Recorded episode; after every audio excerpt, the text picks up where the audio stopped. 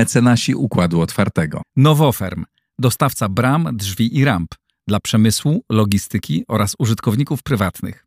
OnGeo.pl, geoportal dostarczający raport o terenie z diagnozą dowolnej działki dla właścicieli, sprzedających lub kupujących.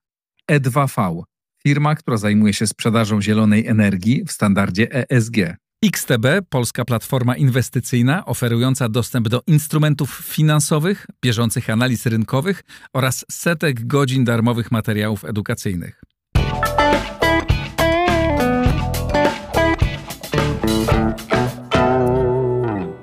Oczywiście przed samiutkim wejściem tutaj z, z Łukaszem Jasiną rozmawialiśmy jeszcze o tym, dlaczego coś nie działa, dlaczego jakieś mikrofony, słuchawki, ale chyba chyba wszystko będzie o, mój e, mikrofon, działać. Państwo, że to wiedzieli, ale okazało się jednak, że humanista i gej konserwatysta nie poradził sobie z techniką w bardzo prosty sposób. Otóż nie mogę jednocześnie Łukasza słyszeć i mówić do niego do mikrofonu, więc ale to na pewno doczekamy się tych komentarzy. Muszę jeszcze kupić przejściówkę, która umożliwi mi jednoczesne włączenie telefonu i słuchawek. I żeby Państwo widzieli, jak się tego wszystkiego uczymy powoli i fajnie. Bo może my jesteśmy i bardzo mądrzy w sprawach filmowych i politycznych, ale wielu rzeczy z techniki człowiek jeszcze nie ogarnia. Najważniejsze, że kultura otwarta e, już w drugim epizodzie, e, w drugim odcinku. Kultura otwarta na e, układzie otwartym i zaczynamy od tego gościa. A ja sobie nie robię przebieranek z Trumpa, chociaż za sobą mam książkę i Bidena, i, o, i Trumpa, Art of the Deal i różne, różne rzeczy. Tak. Ale wiesz co? Zapowiada się po tym, co się stało w stanie Iowa i nie tylko. A Trump tam, proszę Państwa, dla tych, którzy tego jeszcze nie wysłuchali albo w podcaście Igora, albo w innych miejscach, zmiótł wszystkich. Będzie Trump jednak moim zdaniem teraz kandydatem. Tak, Trump zmiótł wszystkich. Ja tutaj e, mam Trumpa, w, to nie jest twarz Trumpa, to jest maska Michaela Myersa z Halloween. Mam też e, tego pana, to jest właśnie, zgadniesz, kto to jest, czy nie zgadniesz? To jest e, że Jason... ty masz wszystkie takie same kukiełki. Tak. E, wi- winyl popy, pozdrawiamy. To jest Jason Statham. Jak to się stało, że Jason Statham i Donald Trump w jednym programie pojawią się? No, to jest właśnie, to jest właśnie podcast e, Jasiny Jadamskiego. My łączymy ze sobą się też Tadeusz Kościuszko, proszę Państwa. Tak, będziemy też rozmawiać o Kosie Pawła Maślony, film, który wchodzi e, 26 stycznia, czyli za tydzień do kin, ale my już teraz o nim porozmawiamy. Mm, Film, który zdobył Złote Lwy w Gdyni, ale zanim, zanim o Złotych Lwach, no to cóż, no 50% poparcia. Wajoła. Donald Trump zmiótł De Sanctisa, Wśród zmia- zmiótł zarejestrowanych wyborców Partii Republikańskiej. Wśród zarejestrowanych wyborców Partii Republikańskiej, proszę Państwa. Tylko, ale to już jest A- sygnał. Tak, zmiótł również e, Nikki Haley, mm, e, było m, e, ambasador tak, przy, przy ONZ, jeżeli się dobrze nie mylę, panie rzeczniku, były. ONZ poznałem, bardzo ciekawa osoba, która była, jest ciągle jeszcze obok gubernatora DeSantisa kiedyś, taką nadzieją e, pewnych skrzydeł republikanów, nie nazywajmy ich może umiarkowanymi, na to, że ktoś jednak Trumpa da radę przeskoczyć i pojawi się jakiś nowy republikański kandydat i tymczasem niestety figa z makiem. Wszystkie najgorsze przypuszczenia, tak jak 8 lat temu, sprawdzają się. E, Donald Trump idzie śmiałym krokiem po zwycięstwo swojej partii republikańskiej. Tak, tak. Donald Trump y, y, w sondażach y, przekracza już 60% w sondażach Partii Republikańskiej. Zbliża się w tych ogólnoamerykańskich sondażach do Joe Bidena. W zasadzie prze, przebija czasami nawet Joe Bidena. Wszystko wskazuje na to, że, a właściwie no chyba jest pozamiatane. No, wiadomo, że Trump będzie, dostanie tą nominację Partii Republikańskiej, co też moim zdaniem jest na rękę mm, demokratom, bo dla demokratów Donald Trump jest jednak wymarzonym e, przeciwnikiem Joe Bidena. Nie wiem, czy, nie wiem, czy już ci oddaję głos, e, bo kazali nam sobie nie przerywać też komentatorzy na naszym, na Ja naszym będę tak podcaście. podnosił paluszek, jak będę chciał tobie wejść, a ty wymyśl jakiś sygnał, żeby nasi słuchacze też byli komfortowi. I, I wiesz, partii, demokraci myślę chcą bardzo, żeby to Donald Trump był kandydatem republikanów, bo e, jednak można zrzucić na Donalda Trumpa mm, absolutnie, absolutnie wszystko, wszystkie błędy polityki mm, e, republikanów. Mm, Natomiast trudno by to było zrobić z DeSantisem, który jest wciąż winnerem, który jest zwycięzcą, jest tym gubernatorem Florydy, e, które, i też wygrał wybory z dużą przewagą, czy na Nikki Nikki Haley. Czy twoim zdaniem demokratom jest naprawdę na rękę, żeby Donald Trump był tym kandydatem, czy nie? Czy oni powinni się jednak bać Donalda Trumpa? Nasi koledzy z różnych podcastów zajmujących się Stanami Zjednoczonymi też pewnie Państwu udzielą na to odpowiedzi, ale ośmielę się udzielić też trochę jej i teraz. Opisałeś zresztą DeSantisa i Nikki Haley w e, samych pięknych słowach, bo to są bardzo dobrzy merytorycznie i bardzo ciekawi kandydaci. E, ale nie mamy już normalnej amerykańskiej kampanii wyborczej. Mamy już trzecią z rzędu kampanię, w której liczy się popkultura, liczą się różne dziwne i ikoniczne rzeczy. No, z jednej strony tak, ale pamiętaj, że kiedy przegrana armia szykuje się zazwyczaj do ostatniej wojny, prawda? To znaczy do wojny, y, którą albo wygrała, albo przegrała. Demokraci bardzo mocno są pod wrażeniem roku 2020, to znaczy tego, że Joe Biden może wygrać tak naprawdę jedynie z Donaldem Trumpem. Ale pamiętajmy o tym, że demokracja, która w Stanach Zjednoczonych wbrew różnym foliarskim kątom w dalszym ciągu istnieje, ma to do siebie, że jednak można też przegrać. To nie jest Joe Biden z, nawet z roku 2020 kiedy już był kandydatem przez wielu oskarżanym o powolność, o starzenie się, o, o różnego rodzaju problemy, to jest prezydent, którego my w tej części Europy lubimy znacznie bardziej, bo okazał się liderem wojennym, okazał się kimś, kto stał po właściwej stronie w roku 2022 i 2023. Ale z drugiej strony to jest człowiek, który się bardzo postarzał, a w Ameryce to ma znaczenie. Wysyłałem ci, Państwo też być może to odnajdą na YouTubie, jakiś taki straszliwy filmik, w którym Donald Trump parodiuje różne problemy Joe Bidena, niemożność znalezienia zejścia ze schodów, e, zagapienia. To, to jest bardzo nieetyczne, ale to w Stanach jest całkowicie dopuszczalne niestety. I tak sobie czasami myślę, że Donald Trump to wykorzysta. Wiesz, w pewnym momencie 4 lata to bardzo dużo, a Trump jest o 4 lata młodszy od Joe Bidena i ma w sobie dużo, być może nieprawdziwej, być może dziwnej, ale jakiejś energii. E, tak, tak, może to jest prawdziwy reptylianin, jak to, jak to ci wszyscy zwolennicy chorych różnych teorii spiskowych chcą wierzyć, że to demokraci są tymi reptilianinami. Mm, wiesz co, e, tak, ja, ja myślę, że Donald Trump będzie w absolutny sposób no, masakrował, jak tylko będzie mógł Joe Bidena w takich quasi roastowych, stand-uperskich mhm. E, swoich, swoich występach, a to już widać na TikToku, te kolejne filmiki, w których to Donald Trump pokazuje, że wciąż ma tą swoją energię. Mm, natomiast to, myślę, że prawybory są, e, są rozstrzygnięte i, i, bez względu na to, e, jak zachowa się też Nikki Haley, bo już tutaj DeSantis e, w Iowa jej zarzucał, że ona specjalnie nie chce się odciąć od tego, czy będzie wiceprezydentką, czy nie, bo ona może z Trumpem wystartować. Mówi się z jednej strony, podobno Melania Trump namawia Takera Carlsona, żeby był e, wiceprezydentem, z drugiej strony może Nikki Haley, więc to też jest bardzo ciekawe. Mm, e, no, ale jednak myślę, że myślę, że ten bój Trump-Biden będzie, będzie bardzo mocny. Sama Nikki Haley cały czas jedzie taką Czymś, co Szymon Hołownia u nas kiedyś jechał, e, zanim stał się koalicjantem e, Donalda Tuska, Donalda T. naszego. Mm, otóż Nikki Haley mówi, mamy dosyć tego Trumpa i tego Bidena, trzecia droga, czyli ja. Ale myślę, że jednak nie będzie tej trzeciej drogi w Stanach. Drogi przyjacielu, tu znowu muszę wejść jako historyk. Trzecia droga to jest rzecz wymyślana już od bardzo, bardzo dawna i nie wymyślił jej nawet Szymon Hołownia, mimo całej ogromnej wiedzy Szymona Hołowni na różne tematy. E, zobaczymy, wiesz wiele rzeczy się może zdarzyć, ale e, myślę, że Donald...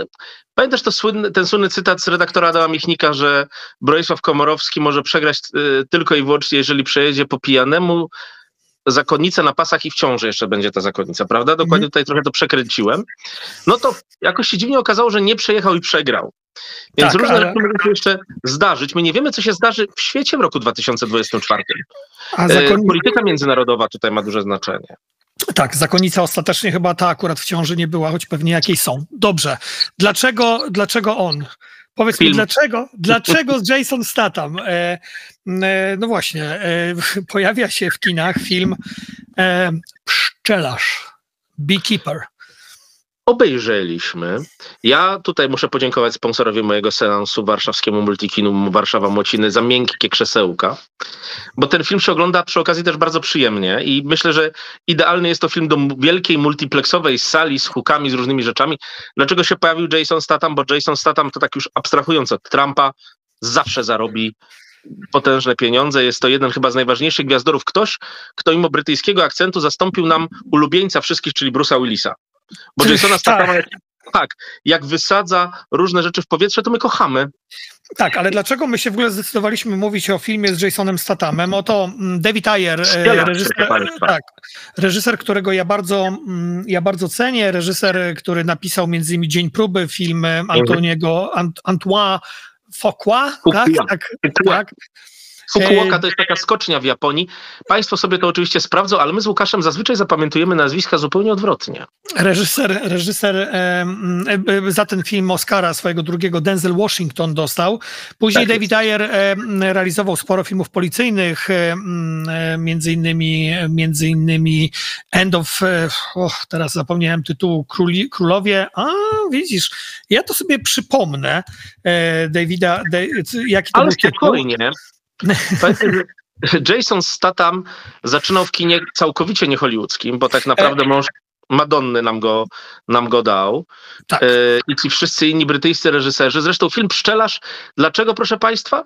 Bo w tym filmie mamy kino akcji nawiązujące do najważniejszych amerykańskich tradycji, do tych wszystkich filmów z lat 70., do wszystkich ludzi prezydenta, do syndykatu zbrodni, e, wszystkich filmów Alana J. Pakuli przede wszystkim. Mamy wielki spisek, tym razem również korporacji, który jeden tylko i wyłącznie człowiek może powstrzymać nawet mu się to udaje, ale na czele tego spisku tak naprawdę stoi całkowicie niechcący były szef CIA i prezydent Stanów Zjednoczonych. E, tak, tak, a teraz, e, teraz, teraz ja powiem, jaki to był tytuł filmu Bogowie ulicy. Ja bardzo przepraszam, a, e, przepraszam ale polskie za, tytuły, za Łukaszu, polskie tytuły są zazwyczaj bardzo straszne. W każdym tak. razie Jason Statham od niemalże trzech dekad gości w naszych domach i go kochamy, a teraz ratuje Amerykę, chociaż ma brytyjski akcent. I tak, e, i David Ayer jeszcze Furię zrobił, czyli czterech pancernych i Brada Pita. E, natomiast, e, natomiast, o, tak, natomiast o co chodzi w pszczelarzu? W pszczelarzu Jason Statham wciela się znów w kogoś, kto bardzo się wkurza i idzie skopać zatki swoim wrogom. Natomiast, co jest bardzo ważne w tym filmie, Jason Statham wciela się w kogoś, kto jest przedstaw... kto, kto pracował dla agencji, agencji skupiającą, która skupiała ludzi y, nazywanych pszczelarzami, bo to oni mieli dbać o ten ul, tak, o to społeczeństwo, które jest o ulem. I teraz y, to była tak ukryta y, organizacja, że nawet CIA nie wiedziało o jej istnieniu. No i Jason Statham jest na emeryturze, mieszka na farmie, z bardzo sympatyczną afroamerykanką starszą i ta afroamerykanka zostaje zaatakowana, tak, tak, już, tylko streszczę króciutko akcję, zostaje zaatakowana przez hakerów, którzy kradną jej wszystkie pieniądze i pieniądze jej fundacji. No i to powoduje, że Jason Statham się wkurza i idzie ich wszystkich wystrzelać. I zaraz powiemy, kogo on chce wystrzelać. Notabene, proszę Państwa, jest tutaj w tym filmie pewna rehabilitacja. Tą starszą panią gra Felicia Rashad, która grała żonę doktora Huxtabla, czyli Billa Cosbiego w serialu Bill Cosby Show. Ona miała tą taką niepotrzebną skłonność do bronienia swojego dawnego kolegi i za to prawie, że została skancelowana. Jak widać, wraca w pewnej roli. To jest bardzo dobra afroamerykańska aktorka. E, ale mamy aktorów w ogóle to jest bardzo ciekawie obsadzone, bo w większości mamy tutaj takie, takie zestawienie niemalże jak kiedyś w Ben Hurze, gdzie do pewnych ról obsadzano Anglików, a do pewnych rolach obsadzano Amerykanów.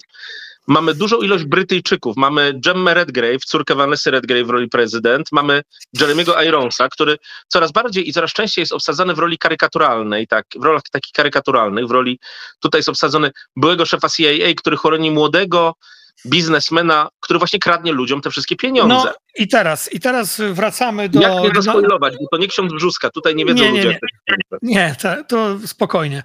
I teraz wracamy do kluczowej, e, kluczowego pro, e, punktu naszego programu. Dlaczego, e, dlaczego pożeniliśmy ze sobą Donalda Trumpa? i Jasona Statama. Otóż ten człowiek, który staje, stoi na czele tego syndykatu zbrodni, który to kradnie i to krada ludzi, no to jest ktoś, kto jest Hunterem Bidenem. To znaczy nie jest na pewno jeden do jeden Hunterem Bidenem, ale uwaga, jego mama jest prezydentką USA. Jego mama nie wie o jego, um, o jego czynach. Ten były szef CIA, którego gra Jeremy Irons, on go chroni, więc tak, chroni go układ, chroni go deep state, taki bardzo mocny deep state. Mm, mama pani, pani prezydent nie do końca wie, że, znaczy wie, że synalek jest trefny, jest trefnisiem, ale nie wie do końca, że jest przestępcą, więc ona do końca go nie chroni. I wiesz, jak ja oglądałem tego, znaczy patrzyłem na tą postać, która kręci tym wszystkim, no dla mnie to było nawiązanie w jakimś stopniu do Huntera Bidena, choć Hollywood się będzie odżegnywało, no, trudno tego nie porównywać do Huntera. Przyjacielu, przyjacielu.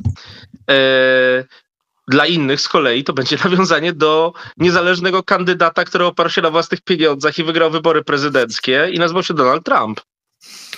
Tak, to, on tak. To, nie ma, on wprawdzie nie ma, no, nie pojawiły się takie oskarżenia wobec jego synków czy synów, czy Iwanki, córki, ale jednak każdemu się kojarzy to, co mu na głowie, to, co ma w głowie. Jednym republikanie, drugim e, demokraci. Jeżeli ludziom się to tak pokojarzy, to Beekeeper powinien mieć wstrząsająco cudowne wyniki finansowe w Stanach Zjednoczonych, bo pójdą na to i ci, którzy będą głosowali na Bidena, i ci, którzy będą głosowali na Trumpa. I tym i tym to pokaże, że istnieją jakieś wielkie spiski, które rządzą Stanami Zjednoczonymi i tylko ci wszyscy Maverickowie, zgodnie z amerykańską tradycją od kilkuset lat, będą mogli te spiski jakoś przewrócić. Dość powiedzieć na samym końcu, że to jest film, który się znakomicie w tą amerykańską kampanię wpisuje. Tak, i on, to jest też film, który, który się dobrze ogląda, dlatego że David Ayer jest e, po prostu solidnym reżyserem e, kina akcji. Jemu nie do końca wyszedł Legion Samobójców, e, jemu kilka rzeczy nie do końca wyszło, ale te filmy policyjne, te filmy akcji, mm, no i te filmy, gdzie ma Jasona Statama, tego, który no, Wiesz, bardzo dobrze, że porównujesz go do Bruce'a Willisa, bo właśnie Jason Statham to jest ten, mm, to jest ten aktor, którego Sylvester Stallone wyciągnął i wciągnął do tego swojego uniwersum gwiazd kina akcji lat 80. i 90. w Niezniszczalnych. Pamiętasz Niezniszczalni? To był Stallone, Schwarzenegger, to był Dolph Lundgren, to był Chuck Norris, Bruce Willis, e, Mel Gibson, to byli Jean-Claude Van Damme, to wszyscy i to był dołożony właśnie Jason Statham jako ta gwiazda pasująca do tamtego świata. I wiesz co? E, jak oglądałem Beekeepera, e, pszczelarza, tak, to zdałem sobie sprawę, że to jest film, który spokojnie mógłby się pojawić w latach 80. na kasetach VHS, spokojnie w latach 90. na kasetach VHS i byłby ogromnym, gigantycznym wręcz sukcesem, bo to jest film właśnie w takim stylu, ale ten film już jest przez amerykańską prawicę podchwytywany. Ten film już ma świetną recenzję w National Review. National Review zazwyczaj nie chwali e, filmów z Jasonem Stathamem i wszyscy zwracają uwagę właśnie na to. Oto mamy Deep State, oto mamy służby niekontrolowane przez społeczeństwo, oto mamy jakiś spisek straszny i potrzebujemy obrońcy, potrzebujemy szeryfa. No Donald Trump się robi na takiego Jasona Statama dzisiaj i pod tym względem myślę, że to jest film, który w bardzo taki symboliczny sposób pokazuje, że 2024 rok to będzie rok kogoś, kto będzie w taki sposób kroczył po prezydenturę, jak właśnie Donald Trump, który będzie mówił Hunter Biden, który będzie mówił e, Deep State, który będzie mówił korupcja, Epstein i wszystko co złe. I wchodzimy tutaj w drugi problem, polegający na tym, czy demokraci są w stanie stworzyć coś podobnego. Nie są bo jest takim bardzo ważnym obyczajem amerykańskim, który prawie zawsze jest przestrzegany, że urzędujący prezydent na prezydenta kandyduje i już wiemy, że będzie kandydował Joe Biden, który absolutnie nie jest w stanie się przedstawić jako szeryf, nie będzie tego mógł robić.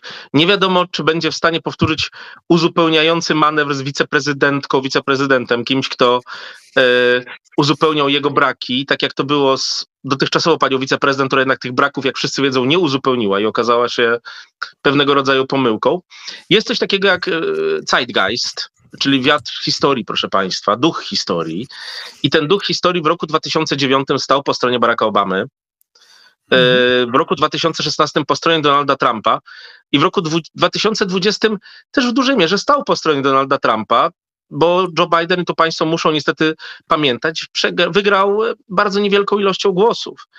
E, a kto wie, jakby było, gdyby nie chyba jedna zapominana teraz po czterech latach tragedia pandemii COVID-19, która wtedy Stany Zjednoczone spustoszyła chyba nawet w większym stopniu niż niektóre kraje europejskie, w tym nasz.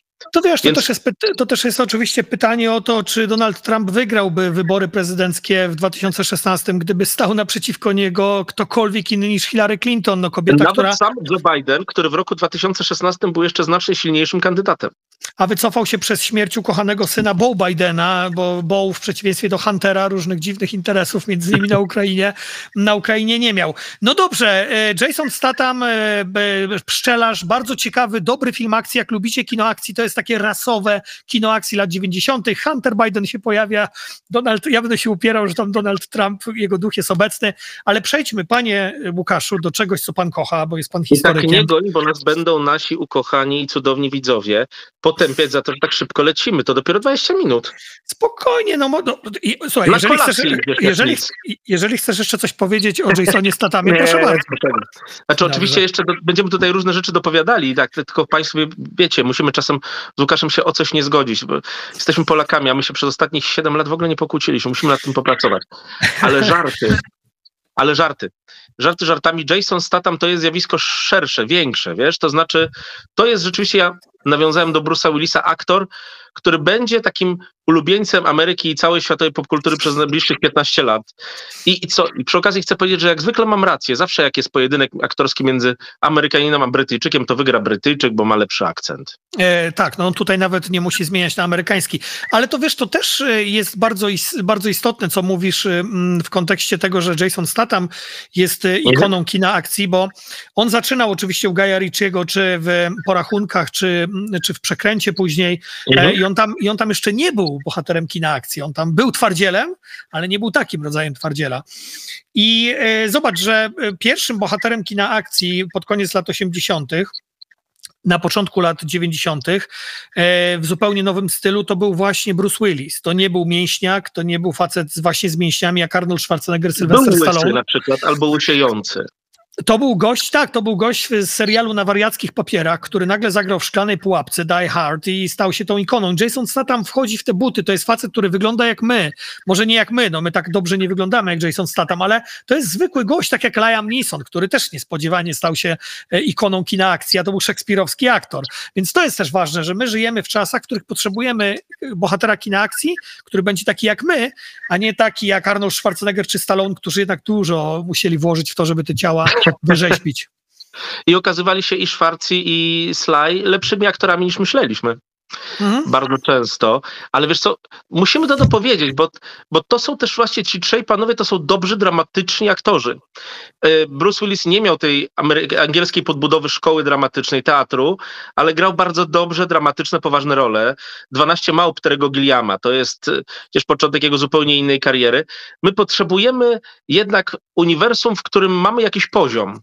I a propos polskiej krytyki filmowej, naszych kolegów, niektórzy naprawdę zauważyli tylko Pszczelarza. To nie jest film w Polsce jakoś przesadnie zauważony. Ciągle jeszcze nie wypada się do niego przyznawać, chyba do takiego kina akcji w Polsce, a jest to też przy okazji film bardzo, bardzo dobrze zagrany. Yy, yy, ja tylko jedną rzecz się martwię i tym razem to ja będę już chyba jednak też kończył. Coraz karykaturalniejsze i straszniejsze postacie gra laureat Oscara, jeden z najwybitniejszych aktorów światowych, Jeremy Irons. Yy, ja boję się, że to jest ta sama linia E, kariery co u Roberta De Niro, który przez kilkanaście lat grywał naprawdę karykaturalne postacie i musiał Irlandczyk Scorsese'ego, a potem ostatnia jego produkcja dopiero De Niro przywrócić.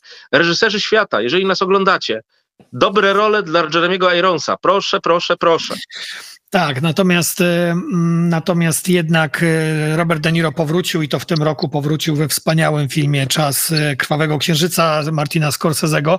Natomiast sam Jeremy Irons, pamiętasz, zagrał w Szklanej Pułapce 3, był takim, był, był, był bratem Alana Rickmana z pierwszej Szklanej Pułapki. Był Niemcem. Właśnie, tak, był Niemcem, był złym Niemcem, tak, to bardzo modne dzisiaj mówić, albo niemodne, że jest jakiś zły Niemiec. Dobrze, my o złych Niemcach nie będziemy mówić, my będziemy o złych, złych Ruskach e, mówić, kacapach, tak, można już, nie? Wolno ich obrażać, chyba wolno. Powiedzmy jest, po prostu Rosjanach to jest wystarczająco obraźliwe. To jest, wiesz co, jedyną, tak jak w hollywoodzkim kinie, jedyną mniejszością to są naziści, których wolno obrażać do woli, tak chyba w polskim wolno jednak Rosjan obrażać do woli.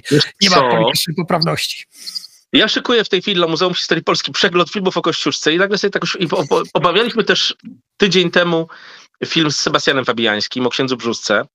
I e, problem jest to, że my tak naprawdę dopiero od niedawna możemy Rosjan bezkarnie obrażać, bo najpierw do roku 1989, co najmniej od wojny, trzeba było liczyć się z im, ich obecnością i z ich dominacją, a potem panowało 30 lat liberalizmu i trzeba było szukać w Rosjanach zrozumienia i, i człowieczeństwa. Zresztą w Niemcach też teraz od roku 2022 żyjemy częściowo rzeczywiście znowu w latach 80., no nie Polski, bo w Polsce było trochę inaczej, i możemy znowu bezkarnie z Rosjan robić postacie negatywne, bez rozróżniania na Rosjan dobrych i złych. I proszę Państwa, jak już to zapowiadaliśmy na początku, zbliża się wielkimi krokami ogólnonarodowa debata i premiera po filmie nagrodzonego różnymi nagrodami, zwłaszcza w Gdyni, gdzie byliśmy tego świadkami. Ten film oglądaliśmy Pawła Maślony z, i jego filmu KOS. Y, ci Polacy, którzy jeszcze nie obejrzeli i tak już mają pewnie zdanie, inni nabędą je dopiero wkrótce. My to zdanie mamy i Adamski pierwszy. Tak, tak. Film, który już na przedpremierach hula i dlatego zdecydowaliśmy się jednak o nim opowiedzieć. Cztery nagrody w Gdyni. Tutaj będę miał ściągawkę, żeby się nie pomylić. Nagroda dziennikarzy Paweł Maślona. Nagroda specjalna, czyli nagroda jury młodzieżowego Paweł Maślona. Nagroda specjalna organizatorów festiwali i przeglądów filmu polskiego za granicą Paweł Maślona, nagroda specjalna, nagroda sieci kin studyjnych, Paweł Maślona, a następnie najlepsza rola drugoplanowa męska, Robert Więckiewicz, najlepsza reżyseria, Paweł Maślona, e, przepraszam, to jest nagroda za reżyserię obsady dla, dla Nadii Lebik, e, najlepsza charakteryzacja i najlepszy montaż, no i najlepszy film Złote Lwy w Gdyni. E, rozmawialiśmy już na antenie TVP Kultura o tym filmie na czerwonym dywanie w Gdyni, ale powiedzmy ale krótko tutaj to było, sobie. Krótko, krótko. Pozdrawiamy ten... Kasię Stanówką, wspaniałą dziennikarkę TVP Kultura, która z nami na tym czerwonym dywanie stała. Brakuje nam ciebie, Kasiu. I, I, całą redakcję informacji tak. kulturalnych, który, z którymi też miałem przyjemność zrobić festiwal Kamer Image. No dobrze, ale mm, zawsze lubimy o sobie rozmawiać, ale to nie o nas program. E, czy, KOS, czy KOS to jest przełom w historycznym kinie polskim? Nie. E, ale może. Wiesz co, e, jako człowiek e, bi, bi, bifilmowy, to znaczy jednocześnie historyk i, film, i filmoznawca, to znaczy człowiek łączący te dwa kompletnie zazwyczaj się ze sobą niezgadzające światy, uważam, że jest to przełom w polskim kinie, ale nie historycznym. Mhm. Bo polskie kino y, potrzebuje jeszcze jednego przełomu polegającego na tym, że najpierw zaczną w nim powstawać dobre, rzetelne, łopatologiczne, biograficzne filmy i te biograficzne filmy i ich świat będziemy dopiero rozczłonkowywać po lakanowsku i tworzyć z nich takiego, jak to ty ładnie określiłeś, Tarantino pomieszanego z Wajdą. Mhm. My nie mamy jeszcze póki.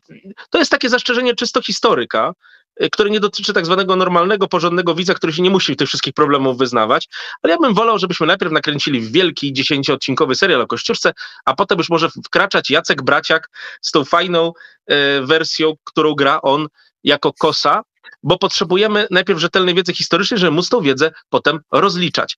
Bowiem, proszę Państwa, i to warto powiedzieć, film KOS nie jest dokładnym odwzorowaniem wydarzeń, które miały miejsce w roku 1794, co nie jest absolutnie żadną jego wadą, tylko każe nam ten film klasyfikować zupełnie inaczej. Ale i trzecie wreszcie komentarz, proszę Państwa, tutaj, żeby Łukasz mógł, bo tak się porusza rękami, a my to potem się trochę poznajemy i chciałby już coś powiedzieć. E, czy to będzie przełom, to się dopiero okaże, bo wiesz, Szkoła Polska, jak powstało pokolenie Andrzeja Wajdy, to się dopiero zaczęła zapowiadać. Musiał powstać jeszcze kanał i popiół i diament, żebyśmy już mieli całkowitą pewność, że ten przełom nastąpił. Jedna jaskółka wiosny jeszcze nie czyni i ja bym chciał, żeby ta wiosna nadeszła. Ja tak zupełnie przez przypadek, naprawdę zupełnie przez przypadek akurat piję wodę z kubka, w którym to widzimy, o, 100 lat, tutaj 100 lat współpracy polsko-amerykańskiej relacji, e, a ten film Ale jest bardzo... zwykła puszka ze zwykłym napojem, tylko znowu muszę tak, tak złapać, żeby nie było tego. E, jeszcze nam nie płaci ta firma, więc proszę nie pokazywać, nie będziemy za darmo pewnych rzeczy robić. Mm, ale, ale polecamy, ale polecamy, ale polecamy, można nas wesprzeć. E, natomiast, e, no tak, no wiesz co, Kos moim zdaniem jest wielkim przełomem w polskim kinie, na pewno artystycznym, Dlaczego? Mhm. Dlatego, że mm, Paweł Maślona nakręcił, e, nakręcił filmy znaczy, na podstawie scenariusza Michała Zielińskiego, nakręcił film brawurowy, nakręcił film, który w, i teraz, okej, okay, Pawle, od razu przepraszam, bardzo wiem, że nie lubisz porównań do Quentina Tarantino, ale e, film Kos jest zbudowany e, w podobny sposób jak Nienawistna ósemka Quentina Tarantino, w podobny sposób jak Django Quentina Tarantino, dlatego, że Paweł Maślona, nie, nie to, że naśladuje Quentina Tarantino, ile Paweł Maślona wyrósł w postmodernizmie kina lat 90. Ukształtowało go dokładnie to samo kino, które ukształtowało mnie. E, nie wiem, czy ciebie, ale to jest kino, które, mm, które już mówi zupełnie innym językiem. To jest kino, które ma zupełnie inną narrację tak, filmową. Mm, I mm, no i cóż, no i to jest film, który, który zupełnie różni się od tego, co widzieliśmy w ostatnich latach w nie tylko filmie o księdzu Brzusce, o którym mówiliśmy w zeszłym tygodniu i nawet chyba nadmiernie go pochwaliliśmy, ale to jest y, inny film niż Legiony, to jest inny film na pewno niż, powsta- niż, niż Miasto 44 też. To jest zupełnie inny rodzaj narracji, inny sposób narracji. Oczywiście można go wpisać w e, film Komasy, czyli Miasto 44, bo pod jednym względem te filmy są do siebie bardzo porównywalne. To znaczy one zrezygnowały z takiego odtwórczego, rekonstrukcyjnego przedstawiania historii. E, jesteśmy już wystarczająco oddaleni nie tylko jak widzimy od czasów kościuszkowskich, ale także od Powstania Warszawskiego, którego rocznicę będziemy 80. w tym roku obchodzili, aby już zajmować się tym też po artystycznemu, tak jak Jerzy Hoffman zrobił kiedyś z Potopem, prawda? Już nie musimy rekonstruować, możemy podawać swoją własną wersję historii. E, I w tym sensie Paweł Maślona jest naśladowcą albo kontynuatorem tego, co zaczął Jan Komasa. Mm, aż tak mówisz. E, wiesz co, e, ale z drugiej no, no tak, ale wiesz, Okej, okay, ale wiesz, bo Maślona jest też wychowany w, mm, w tym spojrzeniu, w tej percepcji bardzo amerykańskiej, bo oto, znaczy, jaka jest główna teza Kosa? E, główna teza, teza, teza Kosa, jest taka, że chłop pańszczyźniany w Polsce był dokładnie tym samym, czym niewolnik w Stanach Zjednoczonych. Bo oto, e, oto e, Tadeusz Kościuszko w tej roli Jacek Braciak przyjeżdża do Polski razem ze swoim przyjacielem, tak? Domingo Lapierre, w którego wciela się Jason Mitchell, aktor, który zagrał Easy E w Straight Outta Compton w filmie o NWA, zresztą bardzo dobra rola. I oni przyjeżdżają do Polski i chcą e, no, wzniecić powstanie razem z chłopami. Dlaczego z chłopami? Bo chłopi są niewolnikami, są bici, są, znaczy wszystko, znaczy to, jak, to jak szlachta, tak, Polska traktuje tych chłopów, jest przedstawione w podobny sposób, jak, jak na polach bawełny biali traktowali czarnych. Tam jest taka scena bardzo kontrowersyjna w tym filmie, za którą gdyby ten film trafił do Stanów Zjednoczonych, może trafi, bo to film, który ma walczyć o Oscary w przyszłym roku, ma być polskim kandydatem, taki jest plan. Mm, moim zdaniem Paweł y, spotka się z zarzutami o Niestety rasizm, to znaczy w czasie Black Lives Matter pokazanie y, takiej sceny, gdy mm, polski chłop, biały, i to bardzo biały, bo, Paweł, bo Bartosz Bielenia go gra, zdejmuje koszulę i pokazuje swoje blizny, a później zdejmuje tą swoją koszulę czarnoskóry, były niewolnik wyzwolony przez Kościuszkę i oni porównują swoje blizny, no to moim zdaniem y, dzisiaj w Stanach Zjednoczonych będzie wielkie oburzenie, że nie wolno porównywać blizn białego do czarnego, bo tylko te czarne blizny są e, no, najstraszniejsze. Mm, e, natomiast wiesz, no to jest jednak bardzo mocne zestawienie. I teraz, panie Jasino, panie historyku, e, czy można powiedzieć, że chłop pańszczyźniany to jest niewolnik, jak w Stanach Zjednoczonych? Drobna glosa, proszę Państwa, zobaczymy, jaka będzie ta Ameryka kolejnych Oscarów. E, zresztą w tym roku też wystawiliśmy chłopów, przypominam. Wiesz, to jest też e, próba wejścia z tą naszą chłopską tradycją. Wiesz co, o ile zbrodnią wobec historii jest porównywanie e, polskiej ekspansji terytorialnej z kolonializmem, bo nie miały ze sobą nic wspólnego. Ukraińcy, Białorusini mieli te same prawa. Podziały, uprzywilejowania przebiegały nie według linii narodowościowych, ale klasy społecznej o tyle wielu polskich historyków zgadza, i ja osobiście między nimi zgadzam się z tym, że wolno nam porównywać niewolnictwo do pańszczyzny, bo, bo to była też własność człowieka. E, zresztą notabene i tu, i to e, wszyscy byli szczeni, chodzili do kościołów i tak dalej, i tak dalej. Wolno to porównywać na tyle, na ile wolno porównywać podobne ze sobą rzeczy. Była to zbrodnicza, ale podobna instytucja, z którą sobie Europa Środkowo-Wschodnia nie radziła i która powstała z tych samych powodów, e, troszeczkę co na południu Stanów Zjednoczonych i wreszcie e, tak samo wykończyła gospodarkę w tej części Europy, bo w pewnym sensie przestaliśmy być konkurencyjni. Tak jak południe Ameryki przegrało potem z północą, tak my przegraliśmy z rozwojem przemysłowym. E, film jest uprawniony, żeby pewne rzeczy pokazywać, ale wreszcie też druga rzecz, a nawet jakby to nie było podobne, artysta ma prawo do swojej wizji. Musimy tylko pamiętać o tym, że taki film jak film Maślony nie jest źródłem do nauczania historii w szkołach podstawowych i średnich bez względu na to, jak kolejni ministrowie będą je reformowali, jak one będą wyglądały. To jest mm. artystyczna wizja, jedna z bardzo wielu uprawnionych. I, I dlatego bardzo ważnym jest to, żeby mówić, że ten film jest przełomem w polskim kinie, ale czy w historycznym to się dopiero okaże. Mm, e, no tak, bo to jest w ogóle pytanie też, czy możemy ten film traktować tak jak film historyczny, tak samo jak, e, no to jest pytanie o Django, czy właśnie o nienawistną, mm. mniej nienawistną ósemkę, bo nienawistną ósemka Django była jedna jakąś, jakąś wariacją, tak. Mm, natomiast wiesz, no nawet jeżeli przyjmiemy, że to jest, no przyjmiemy, no nie musimy przyjmować, to jest teza bardzo taka e, popularyzowana w lewicowym środowisku, zresztą Tadeusz Kościuszko zawsze był ikoną lewicy i, i wiesz, on był ikoną lewicy, bo to był człowiek, którego można byłoby chyba w tamtych czasach, gdyby to słowo istniało, nazwać lewakiem wręcz, tak? To znaczy Tadeusz Kościuszko. No, nie bardzo. No, ale ale słuchaj, słuchaj, Tadeusz Kościuszko mm, był e, nie tylko abolicjonistą tak, w Stanach Zjednoczonych, czyli był na takim skrajnie lewym skrzydle, na lewo od Jeffersona. On przecież wszystkie swoje pieniądze, które zarobił w Stanach Zjednoczonych za udział w rewolucji amerykańskiej, zostawił Jeffersonowi, żeby on wyzwalał niewolników, ale ten gość był deistą, może nawet tateistą, ale był deistą, był jakobinem. No, no był Jakobinem, no Jakobini to jednak lewicowa rewolucja bardzo mocno. Tak, no nie pozwalajmy, nie, za, nie, pozwalajmy jakobinizmowi zawłaszczać pojęcia lewicowości, bo wtedy nagle zacznie myśleć, że mordowanie księży to jest już jakieś pójście na lewo. Ale z drugiej strony Kościuszko był nacjonalistą. A, a, a nie jest? No jest. Wprawdzie no wywodzącym no się z, z szlachty Wielkiego Księstwa Litewskiego z rodu Kaściuszków, czyli zmiękczona wersja Konstantego urodzonym na terenie obecnej Białorusi człowiekiem, ale nawoływał, żeby wszystkich chłopów spolszczyć i e, że mówili wyłącznie po polsku. Więc wiesz, to jest takie przenoszenie, znowu moim zdaniem kompletnie nietrafne. W Kościuszce każdy znajdzie sobie coś dla siebie. Są tacy bohaterowie, których się nie da za bardzo mm, połączyć ze wszystkimi, a Kościuszkę się da. Mhm. Teraz jak widać ta nasza chłopomania, która wśród tych synów warszawskiej inteligencji się rozpowszechnia i przechodzi powoli do świata artystycznego, każe Kościuszkę lubić, ale z drugiej strony Kościuszko nie był jednak wyłącznie człowiekiem lewicy, bo sam fakt bronienia chłopów jeszcze go nim nie czynił. E, ale jeżeli wejdziemy głębiej w naszą debatę, może się w końcu pokłócimy, no to ja jednak stoję na stanowisko, że nacjonalizm jest e, nacjonalizm, e, komunizm, faszyzm, to wszystko jest jedna rodzina. To jest wszystko jedna rodzina rewolucyjna, narodzona na gilotynie. E, to wiesz, to, że dzisiaj rozgraniczamy między prawicą i lewicą i mówimy, że komuniści i faszyści czy nacjonaliści to są, to są jakieś dwie strony, które są na antypodach, no nie są. To jest jedna rodzina, tak? Prawdziwa prawica to jest, prawdziwy konserwatyzm to jest monarchia, a cała reszta to jest wszystko rewolucja. Ty byłeś, ty byłeś w młodości Zinkiewiczowcem albo Korwinistą?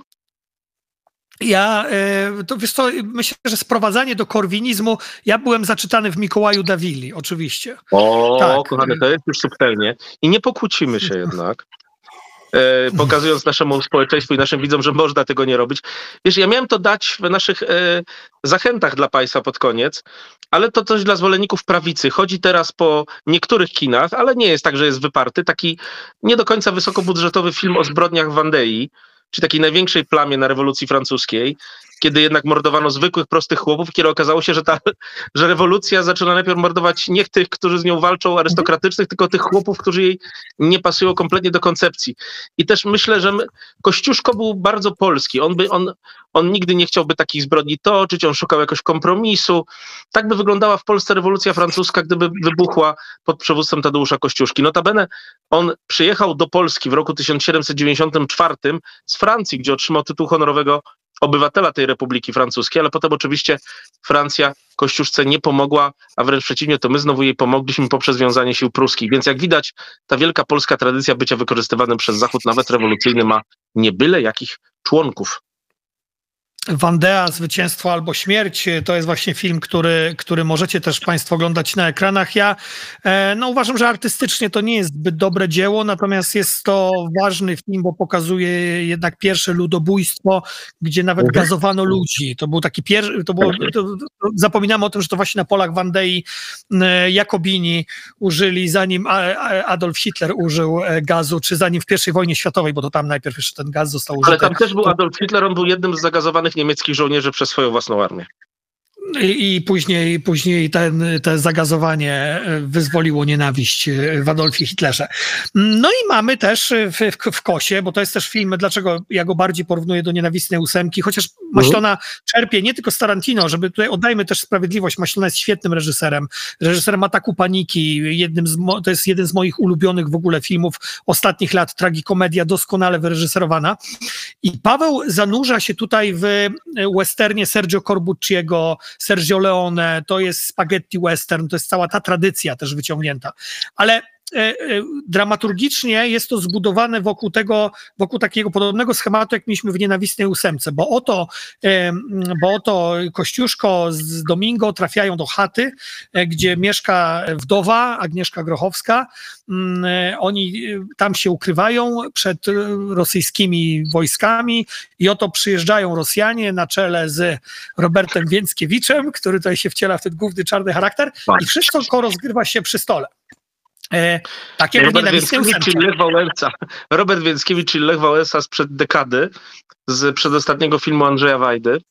Wiesz, e, Rosjanie są złem, ale znowu bez metafizyki, bez jakichś dziwnych postaci, niemalże jak z horrorów typu Mama. To są zwykli zbrodniarze, inteligentni, niektórzy oczywiście, bo inteligentny jest bardzo makiaweliczny, główny bohater negatywny grany przez Roberta Więckiewicza. Y, ja mam zresztą u rosyjskich i ukraińskich kolegów i oni tak strasznie nie lubią tego, co ja kocham, to znaczy tego dziwnego wolapiku polsko-rosyjskiego, którym on się posługuje. Y, przy okazji gratulacje dla epizodu Doroty Segdy w roli polskiej arystokratki. Bardzo, bardzo ciekawe to było zagrane. I mamy zło, które jest jednak złem nazwanym, złem pochodzącym z Rosji, złem mówiącym po rosyjsku, złem, z którym się wygrywa niemalże tak, jak wygrywało się właśnie w filmach Quentina Tarantino ostatecznym wybiciem tego zła. Ale wiesz co, Rosjanie w tym filmie to tak jakby przegrywają, ale pamiętajmy o tym, że może ich i wybito, ale po paru miesiącach oni jednak przyszli i wybili nas. W tym samego Kościuszkę prawie zamordowali. Wiesz, ja też, e, ja też bardzo cenię właśnie do tego scenariusz tego filmu i to, że ta postać Więckiewicza została zbudowana mm, swoją drogą. Nie żyjemy w tak e, szalonych, politycznie poprawnych czasach, żeby Rosjanie mówili, że to jest zawłaszczenie kulturowe, żeby Polak grał Rosjanina, bo wiesz... No, Rosjanie jeszcze na to nie to tak, wiesz? To, to tak nie wypada za bardzo. Więckiewicz tworzy świetną rolę, ale co się tutaj udało w scenariuszu tego filmu i też co Maślona wybija jako reżyser, że ten Rosjanin, tak, ten, ten, ten, ten, ten właśnie bardzo czarny charakter, on y, nie jest tylko przedstawicielem caratu, on jest przedstawicielem całej rosyjskiej duszy, to znaczy on jest przedstawicielem y, tego, y, tej, te, te, tej okropnej koncepcji pewnego tego ruskiego miru, tak? Czyli tego, że Rosja ma być, ma być, ma, ma być, ma być jako, jako, tak, chciałeś coś powiedzieć, proszę, bo widzę, że kręcisz no, głową. Historyk zawsze musi przypomnieć, że Polacy odkryli to już bardzo dawno. Napisał to w swoich dziełach wielki polski historyk i przez chwilę polityk Jan Kucharzewski, a potem przeciągnął to do Stanów Zjednoczonych wychowany w Polsce nieżyjący już amerykański profesor, którego miałem zaszczyt poznać, Richard Pipes. To znaczy kontynuację Rosji. Coś, na co się regularnie nabiera Zachód i pewnie się teraz też za jakiś czas nabierze, kiedy będzie z następcą Putina dochodził do jakiegoś kompromisu, że Rosja jest w stanie się zmienić. Co my, Polacy, absolutnie nie wierzymy. Od czasu do czasu podpisując się pod rytuałami w stylu, że Rosja to też kraj Puszkina, znakomitego jedzenia i baletu, ale Polacy swoje wiedzą, Litwini swoje wiedzą, Łotysze swoje wiedzą, a niedawna wiedzą to też Ukraińcy. Tak, tak, ale wiesz, ale, ale właśnie o tym mówię, że ta postać jest w taki, taki sposób zbudowana, że ona symbolizuje nie tylko carat, ona symbolizuje stalinizm, leninizm, ona symbolizuje putinizm, ona symbolizuje po prostu Rosję, czyli ruski mir, czyli, czyli, czyli y, trzy osoby boskie, y, Bóg, Ojciec, Rosja, Syn, Bo nie wiem kto jest Synem Bożym tam, czy Ukraina, czy Białoruś, ale Duch Święty to chyba jest y, zamienne, prawda? Przyjacielu, były różne formy metafizyczne. Tu naszym przyjaciołom, Piotrowi Schwiecińskiemu i Filipowi Memchesowi po, pozwolimy teologię Rosji budować, Alanowi Bezanson nieżyjącemu. ja myślę, że w rosyjskiej trójcy Bogiem jest, Ojcem jest Rosja, Synem Bożym jest Rosja i Duchem Świętym jest Rosja. E, a ta Rosja jest od czasu do czasu E, uosabiana przez kogoś i to są czasami nawet ludzie imperialnego pochodzenia, e, w sensie z Imperium Rosyjskiego, ale narodowościowo nie będące Rosjanami. By the way, Rosja absolutnie nie ma nacjonalizmu, proszę Państwa. Imperializm jest, to jest zupełnie, zupełnie co innego. I Paweł Maślona, nie będący historykiem, wychowany jest może i on, i scenarzysta tego filmu na amerykańskiej popkulturze w sensie obrazu, ale jeżeli chodzi o sposób myślenia o Rosji, to tutaj absolutnie żadnego amerykańskiego wpływu nie widzę. Jest to polska, wielopokoleniowa tradycja wpajana nam przez nasze mamy i babki, mówiąca, że jeżeli Polska ma jakieś dwa problemy, to jeden jest z zachodu, a drugi jest ze wschodu. I o ile z problemem niemieckim spora część przynajmniej Polaków sobie poradziła, część jednak dalej nie, o tyle z problemem rosyjskim nie poradzili sobie chyba Polacy jako całość, a Rosja tym bardziej sobie z tym problemem nie radzi. Film KOS reprezentuje natomiast tutaj pod tym względem punkt widzenia dla wszystkich niemalże Polaków, z wyjątkiem rosyjskich agentów, y, y, całkowicie akceptowalny. Tak, tak, a jednocześnie jest to właśnie na tyle uniwersalne, że z jednej strony m, będzie ten film zrozumiały dla widza anglosaskiego szczególnie, e, który, który będzie, tak, który, który będzie jednak widział, e, widział ten uniwersalizm, tak, czyli właśnie tą kwestię niewolnictwa. E, tutaj jeszcze warto też zaznaczyć, no, no, no świetna rola Piotra Packa, który gra takiego zdegenerowanego, wyjętego z kart Markiza de Sada mm, e, e, arystokratę, tak, który, który, który, również, który również symbolizuje coś, co odrzucili Francuzi w swojej rewolucji, jednak, jednak ścinając tych wszystkich arystokratów poza Talleyrandem, który był libertynem i się utrzymał. Drodzy Państwo, Piotr Pacek to naprawdę bardzo przystojny mężczyzna i tego aktora jeszcze nie raz zobaczymy. A tutaj wygląda rzeczywiście w odpowiedni, wynaturzony sposób. E, nie wycierajmy sobie twarzy. Tylerandem też by go ścieli, gdyby nie miał szybkich nóg. Y, ja, chciałem, ja, chcia, ja, chciałem tylko dodać, że Talleyrand y, to jest y, jeden z moich diabolicznych idoli, Kulawy Diabeł. Natomiast, wiesz co, no jeszcze Agnieszka Grochowska, to jest też istotne. Ten film mhm. zawiera taką scenę, tak, kiedy to Agnieszka Grochowska jest tą, która bierze karabin. E, na końcu jest taka scena, kiedy płonie stodoła i oni wszyscy stoją. Kto? Kobieta, Jakobin, czyli, czyli Kościuszko i Czarnoskóry. I oni wszyscy tutaj, no i oczywiście chłop pańszczyźniany, wyzwolony. I oni tutaj mają budować tą rewolucję, więc ten film jest rewolucyjny pod tym względem. Ja się bardzo cieszę, że to jest kolejny film duetu Aneta Hickenbottom, Leszek Bodzak, którzy znów mhm. e, dali nam film na absolutnie światowym poziomie. E, to są, to jest, to są producenci nominowani za, za Boże Ciało do, e, do Oscara. To są producenci naprawdę wspaniałych filmów Matuszy Kaczyńskiego, Ostatnia Rodzina. Mm, e, oni odkrywają wiele też, znaczy pracują z najlepszymi młodymi mm, twórcami. No i cóż, no i obok chyba Filipa, Michała Kwiecińskiego, chociaż to jest inny rodzaj filmu, e, to jest e, najlepszy polski film dotykający historii, który się w ostatnim dziesięcioleciu albo dwudziestoleciu pojawił i chyba tu się zgodzimy, czy nie? Czy ty w ostatnich dwudziestu latach widzisz coś lepszego? O, ja oczywiście jestem w stanie Jestem, Łukaszu, w stanie znaleźć filmy niemalże równie dobrze, ale niemalże równie dobre, ale wiesz co, to jest pewnego rodzaju nawiązanie do tego, o czym mówiliśmy w poprzednim podcaście. To, to absolutnie już nie jest dla niektórych w Polsce ludzi temat. My po prostu robimy już normalne zachodnie kino. Mamy producentów na zachodnim poziomie, reżyserów. Ważne, że i w Filipie Kwiecińskiego, i w Kosie, dla mnie jako dla historyka, reprezentowana jest jedynie słuszna narracja, czyli nasza narracja. I antyrosyjska narracja, KOS w kinach e, już za tydzień, także bardzo zapraszamy. No i tak pomyśleliśmy sobie, że na sam koniec, bo już się zbliżamy do końca, 46 minut minęło. Ja tutaj od razu pokażę, bo ty chyba tak zerkasz, zobacz, to jest Al Pacino. Patrz, widzisz? To są oczy Al Ale ja znam tą bramkę, no, no to. Ja widywałem się również na żywo wielokrotnie. Tak. Ale wiecie, ja ostatnio postanowiłem być łaspem, więc będę w koszulach, które nawet prasuję. Ale tak, żarty e, żartami. A teraz nie, I teraz cisza się zrobiła. Tak. Paluszek, paluszek, ty. E, tak, e, postanowiliśmy na sam koniec zrobić takie szybciutkie polecajki i odradzajki e, dla Państwa i taki ostatnie strzały od Jasiny Jadamskiego, co warto na platformach, czy w kinie, czy w teatrze, mhm. gdziekolwiek. Bardzo autorski, szybciutki przegląd. Ja Jasinie oddaję głos. Co w, w tym tygodniu uważasz, że warto, żeby nasi e, widzowie, słuchacze e, obejrzeli, e, łyknęli? Mhm. Na samym końcu powiem Państwu, co sądzimy o najnowszym filmie z Dawidem Ogrodnikiem, bo będzie to przejście w zdaniu Łukasza i chyba się obaj zgodzimy. Drodzy Państwo, e, ja dzisiaj postanowiłem powiedzieć, co się powtarza. To znaczy, i chyba jeden z najlepszych seriali polityczno-społeczno-wewnątrzamerykańskich ostatnich lat, Yellowstone, wszedł e, na Netflixa. On jest obecny już od kilku lat. E, serial, który jest największą rolą Kevina Costera, większą od tańczącego z wilkami czy nietykalnych, ale serial, który nam pasuje do Trumpa, do Beekeepera, film pokazujący tra rozpad tradycyjnej Ameryki niemalże w stylu Eli Kazana w Montanie w pobliżu Wielkiego Parku Yellowstone. Obejrzyjcie, to jest 50 odcinków, ale można obejrzeć sobie ten, ten, y, ten, ten serial. Koniecznie ja tam wtrącę, tak, tak, to mhm. ja tutaj ci wtrącę, bo to jest oczywiście 50 odcinków, y, Sky Showtime, y, a w zasadzie Paramount Plus no w tej chwili sprzedał no Netflixowi prawa. Czekamy na ostatnią część ostatniego sezonu mhm. Yellowstone, który wejdzie na Sky Showtime, no i tam też są dwa prequele, 1883 i 1923 z Harrisonem Fordem. Harrison Ford nie gra w serialach, tutaj się zdecydował, bo Yellowstone to jest naprawdę wybitna produkcja. Nie jest to scenariuszowo poziom sukcesji, natomiast to jest pięterko niżej, ale to jest wciąż genialne. Niektóre odcinki to jest wręcz arcydzieło. Powiedz mi, kochany, czy ja dobrze pamiętam, że Helen Mirren też gra w prequelu?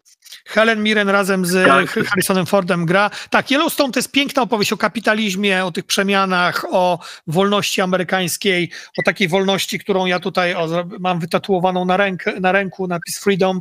Mm, także taki, taki moc, A ja Państwu tatuaża, tatuaża nie pokażę, bo tych części ciała nie wolno. E, e, natomiast Łukaszu, nim przejdziemy do Mickiewicza, ja myślę, że rzecz, którą ty chciałeś polecać, ale ja się z tobą zgadzam, jestem też po pierwszym odcinku, czwarty detektyw wszedł i tak jak za każdym razem y, detektyw miał wielkiego aktora, który go pchał, tak tutaj mamy chyba jedne, obok Jane Fondy i Meryl Streep największą żyjącą aktorkę w tej chwili, Judy Foster, która wraca w bardzo wielkim stylu, od dawna nie miała okazji tak się fajnie wygrać.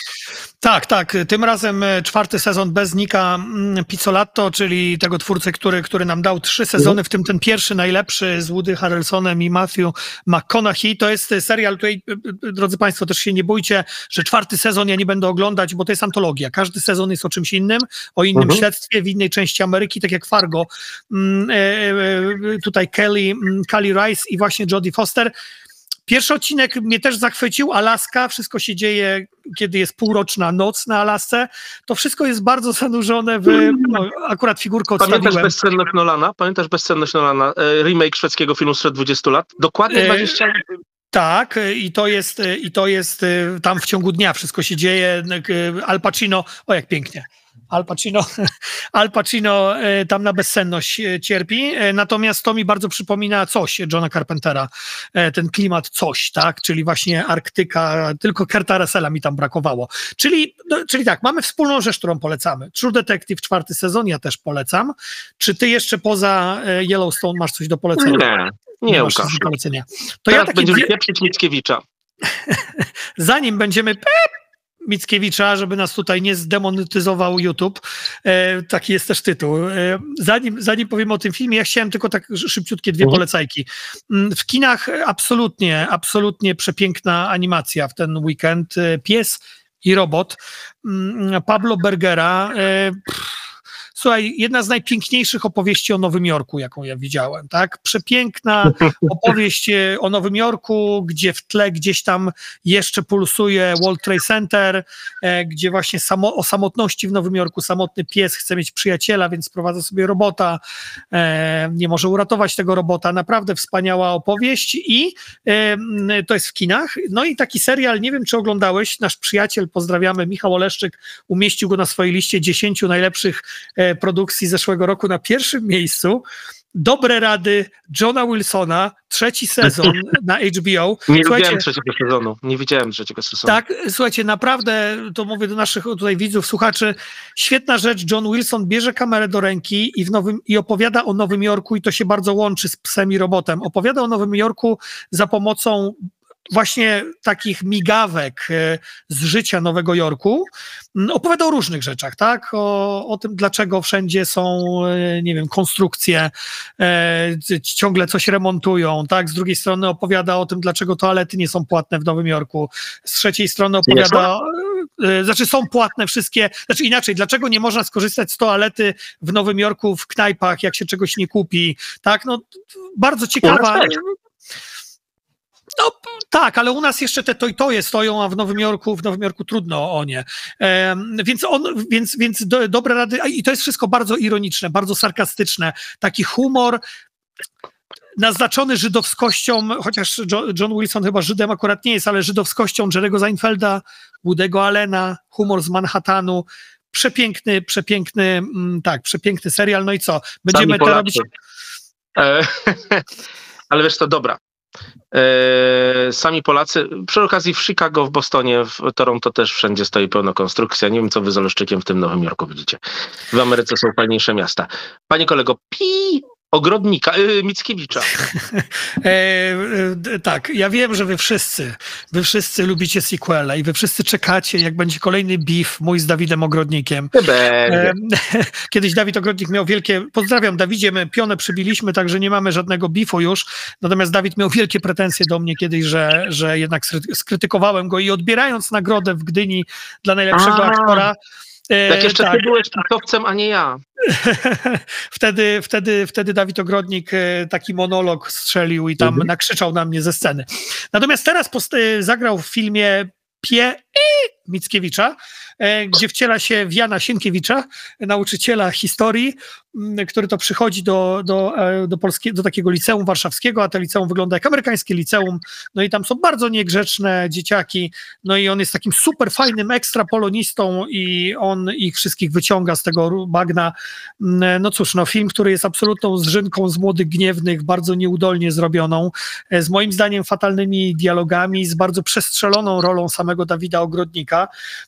E, to jest taki, to jest taki film, gdzie, gdzie, gdzie no, humor czasami ociera się o noc kabaretową w Mazu na Mazurach i też na backstage'u. Natomiast e, wiesz co, e, no ja po prostu przestrzegam Państwa, żebyście nie wydawali swoich ciężko zarobionych pieniędzy akurat na ten film, chociaż takie niepokojące sygnały do mnie płyną, że nastolatkowie licealiści, którzy idą na ten film, uważają, że to wcale nie jest cringe. Mm, moim zdaniem to jest cringe, ale może jest tak Jasina, że ja przez tą długą brodę jestem boomerem jeszcze większym od ciebie i koniec. To, to ty masz syna, który zbliża się nieuchronnie w kierunku szkoły średniej. Pozdrawiam. Jest w szkole średniej. Jest. jest. Racja, bo to są te. Widzisz, jedną z najsympatyczniejszych rzeczy, jak się nie ma dzieci, obok rzeczy smutnych, jest to, że nie musisz się do końca orientować w systemie edukacji. Ale nawet i ja się orientuję, że on chyba tak nie wygląda jak w tym filmie. A przypominam ci, że młodzi gniewni, e, którzy zresztą mieli znacznie lepszą wersję pod tytułem Zagniewani Młodociani, też byli z rynką z filmów z lat 50., na przykład z z takiego filmu ze Sidneyem Poitier, który też grał takiego nauczyciela. Wiecznie jest jakiś film, który próbuje pokazać takiego nauczyciela, który się tak mm, poświęca i, jest, i wnosi taką nowość i w ogóle jest wszystko super. Tacy są też nauczyciele, bo mamy teraz cały ruch blogersko-facebookowo-twitterowy różnych nauczycieli, ale wiesz co, nikt na świecie jeszcze nigdy przez takie filmy systemu edukacji nie uzdrowił.